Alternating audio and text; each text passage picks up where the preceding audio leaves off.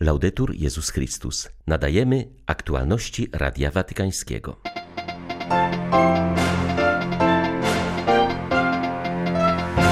Stolica Apostolska ukarała arcybiskupa Sławoja Leszka Głudzia i biskupa Edwarda Janiaka.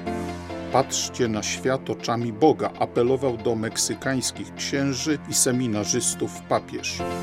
Szczepienia dla najuboższych to wyraz bliskości z cierpiącymi właśnie w tym tygodniu, gdy wspominamy mękę Chrystusa, mówi kardynał Konrad Krajewski, wyjaśniając okoliczności watykańskich szczepień dla bezdomnych. 29 marca witają Państwa ksiądz Krzysztof Ołtakowski i Łukasz Sośniak. Zapraszamy na serwis informacyjny.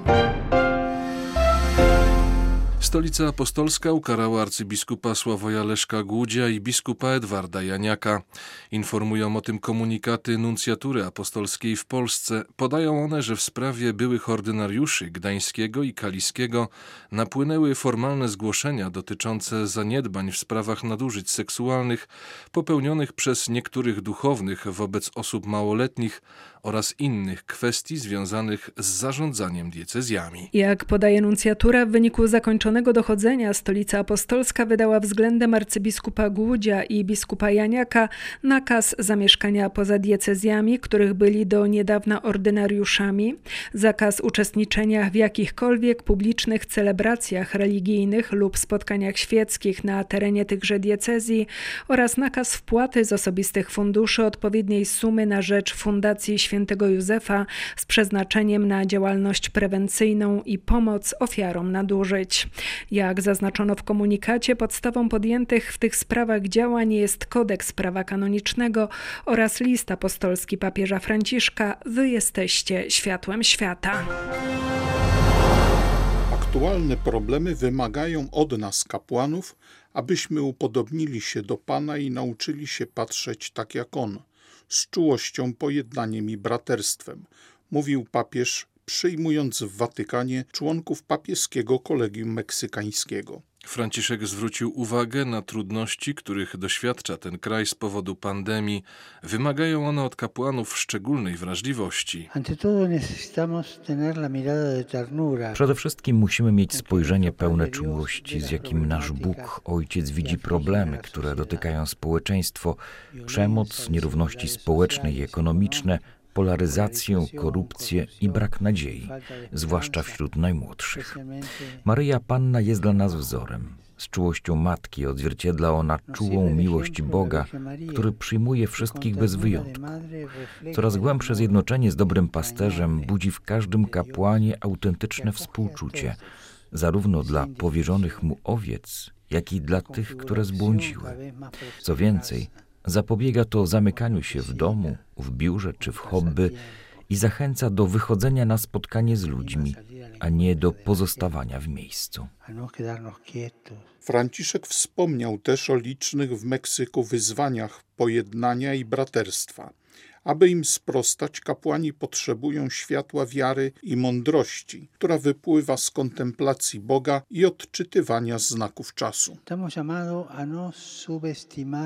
Nie możemy lekceważyć światowych pokus, które mogą nas prowadzić do powierzchownych wyobrażeń o nas samych, do postawy autoreferencyjnej, do konsumpcjonizmu i do wielu form uchylania się od odpowiedzialności. Zachęcam Was, byście nie zaniedbywali pogłębiania korzeni wiary, które otrzymaliście w Waszych kościołach.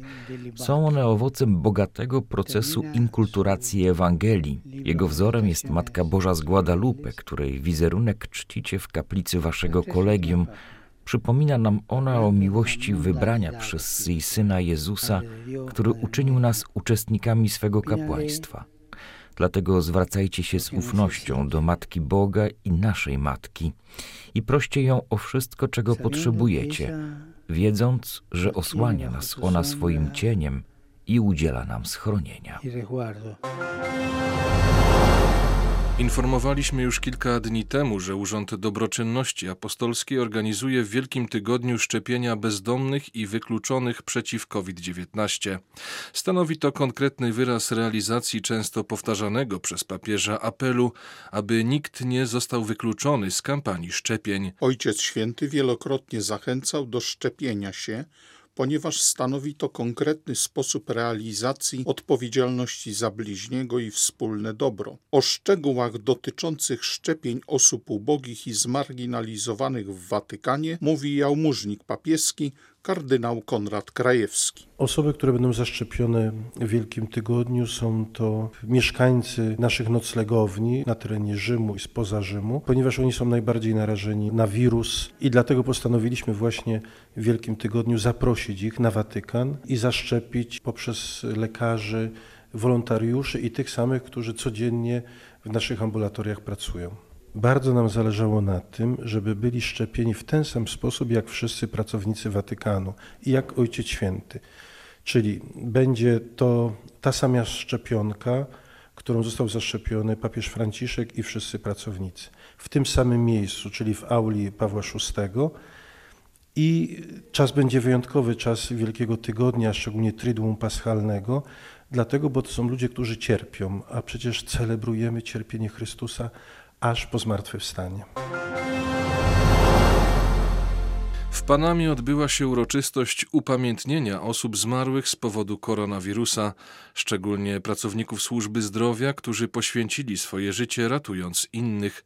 Z tej okazji papież Franciszek skierował do Panamczyków list, w którym wyraził swoją bliskość z cierpiącymi i zapewnił o modlitwie. Ojciec Święty podziękował pracownikom służby zdrowia i osobom zaangażowanym w walkę z COVID-19 za ich ofiarność oraz świadectwo człowieczeństwa. Podczas uroczystości papieski list odczytał metropolita Panamy. Arcybiskup José Domingo Ulloa przypomniał, że w tym kraju na koronawirusa zmarło już ponad 6 tysięcy osób, w tym 111 pracowników służby zdrowia. Podziękował wszystkim, którzy ratują życie innych, narażając własne. Ten trudny czas pokazuje nam również, że potrzebujemy Boga, ponieważ w obliczu śmierci odkrywamy, że nie jesteśmy samowystarczalni, podkreślił hierarcha. Zajętych przez Azerów obszarach Górskiego Karabachu trwa systematyczne niszczenie ormiańskich kościołów, klasztorów i haczkarów, czyli tradycyjnych kamiennych krzyży. Odbywa się to przy milczeniu świata, który nie sprzeciwia się tej czystce kulturowej. I choć Azerbejdżan oficjalnie zaprzecza stosowaniu tego typu praktyk, a zniszczenia przypisuje działaniom wojennym, to m.in. dziennikarze BBC udokumentowali wiele miejsc, w których ormiańską obecność zrównano z ziemią już po podpisaniu porozumienia pokojowego. Włoska inicjatywa na rzecz Arcachu, która zajmuje się ochroną dziedzictwa religijno-kulturowego Ormian, alarmuje, że na terytoriach okupowanych jest ono dzień po dniu niszczone przez azerski reżim. Działania te stowarzyszenie nazywa kulturowym ludobójstwem, które nie może pozostać bezkarne. Dowody na to przy przyniosły ostatnie reportaże dziennikarza BBC, który udokumentował zniszczenie m.in. kościoła świętego Jana Chrzciciela w Szushi. Znalazł on w sieci zapis destrukcji, gdy przy okrzykach Allah jest wielki niszczono dzwonnicę i krzyż. Miała to być odpowiedź na zachętę prezydenta Azerbejdżanu, który odwiedzając zajęte tereny apelował, by z kościołów wyeliminować wszelkie napisy i oznaki świadczące, jak mówił, o fałszowaniu historii tych ziem. Dziennikarz odwiedził też miejscowość Dżerakan, w której po kościele Matki Bożej pozostały jedynie kamienie z fundamentów. Policjanci, z którymi rozmawiał, dowodzili, że świątynia została zniszczona w czasie walk. Istnieją jednak nagrania, że w dniu podpisania rozejmu była nienaruszona. Władze Górskiego Karabachu wielokrotnie apelowały do wspólnoty międzynarodowej, by postawiła tamę kulturowemu terroryzmowi prowadzonemu przez Azerów. Podkreślono, że działania te są zbrodnią przeciwko ludzkości. Wskazano, że niszczenie ormiańskich miejsc kultu odbywa się w stylu terrorystów z tak zwanego państwa islamskiego, którzy dążą do wyeliminowania wszelkich znaków mówiących o chrześcijańskich korzeniach tych ziem.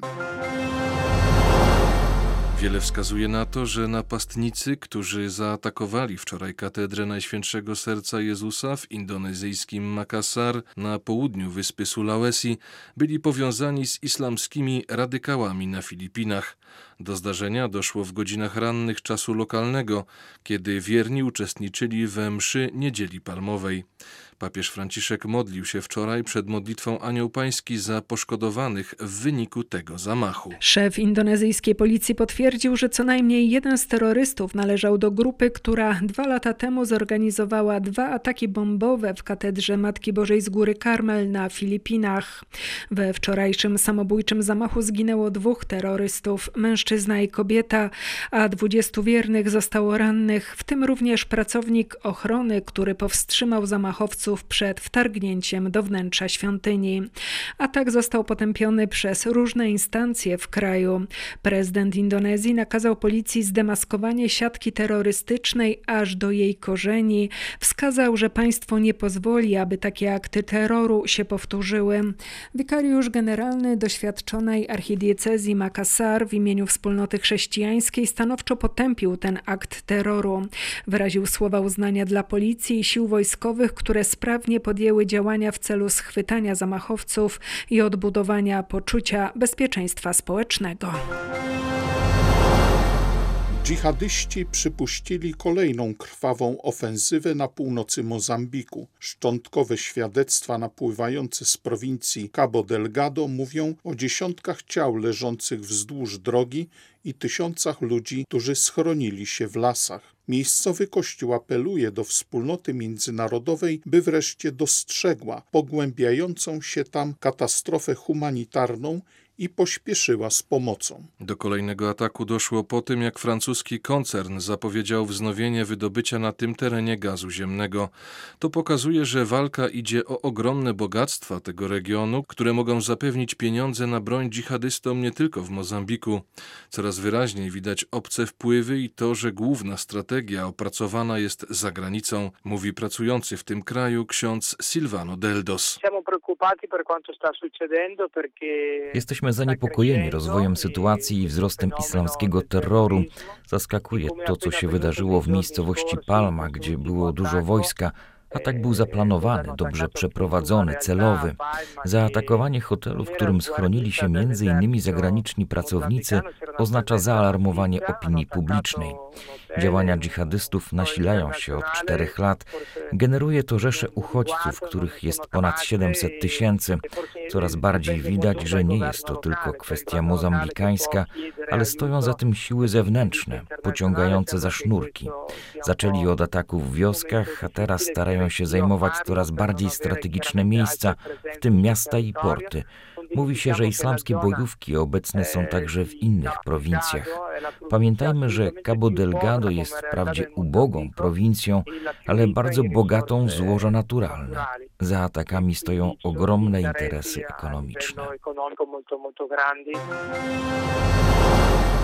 Wielki Czwartek zniszczona pożarem katedra Notre Dame ponownie na chwilę stanie się miejscem kultu Bożego. Arcybiskup Michel Opetit będzie sprawował w niej obrzęd obmycia nóg. Artyści Comédie Française zaprezentują natomiast rozważania męki pańskiej. Wydarzenie będzie transmitowane przez telewizję KTO. Na sprawowanie pełnej liturgii Wieczerzy Pańskiej nie pozwala jeszcze stan katedry, w której prace remontowe po pożarze z kwietnia 2019 roku dopiero się rozpoczęły. Metropolicie Paryża zależy jednak na stopniowym powrocie życia religijnego do jego katedry, stąd już dwa miesiące po pożarze sprawował w niej Eucharystię. Natomiast przed rokiem, w Wielki Piątek, w Notre Dame odbyła się modlitwa przed relikwią korony cierniowej. Były to aktualności Radia Watykańskiego. Laudetur Jezus Chrystus.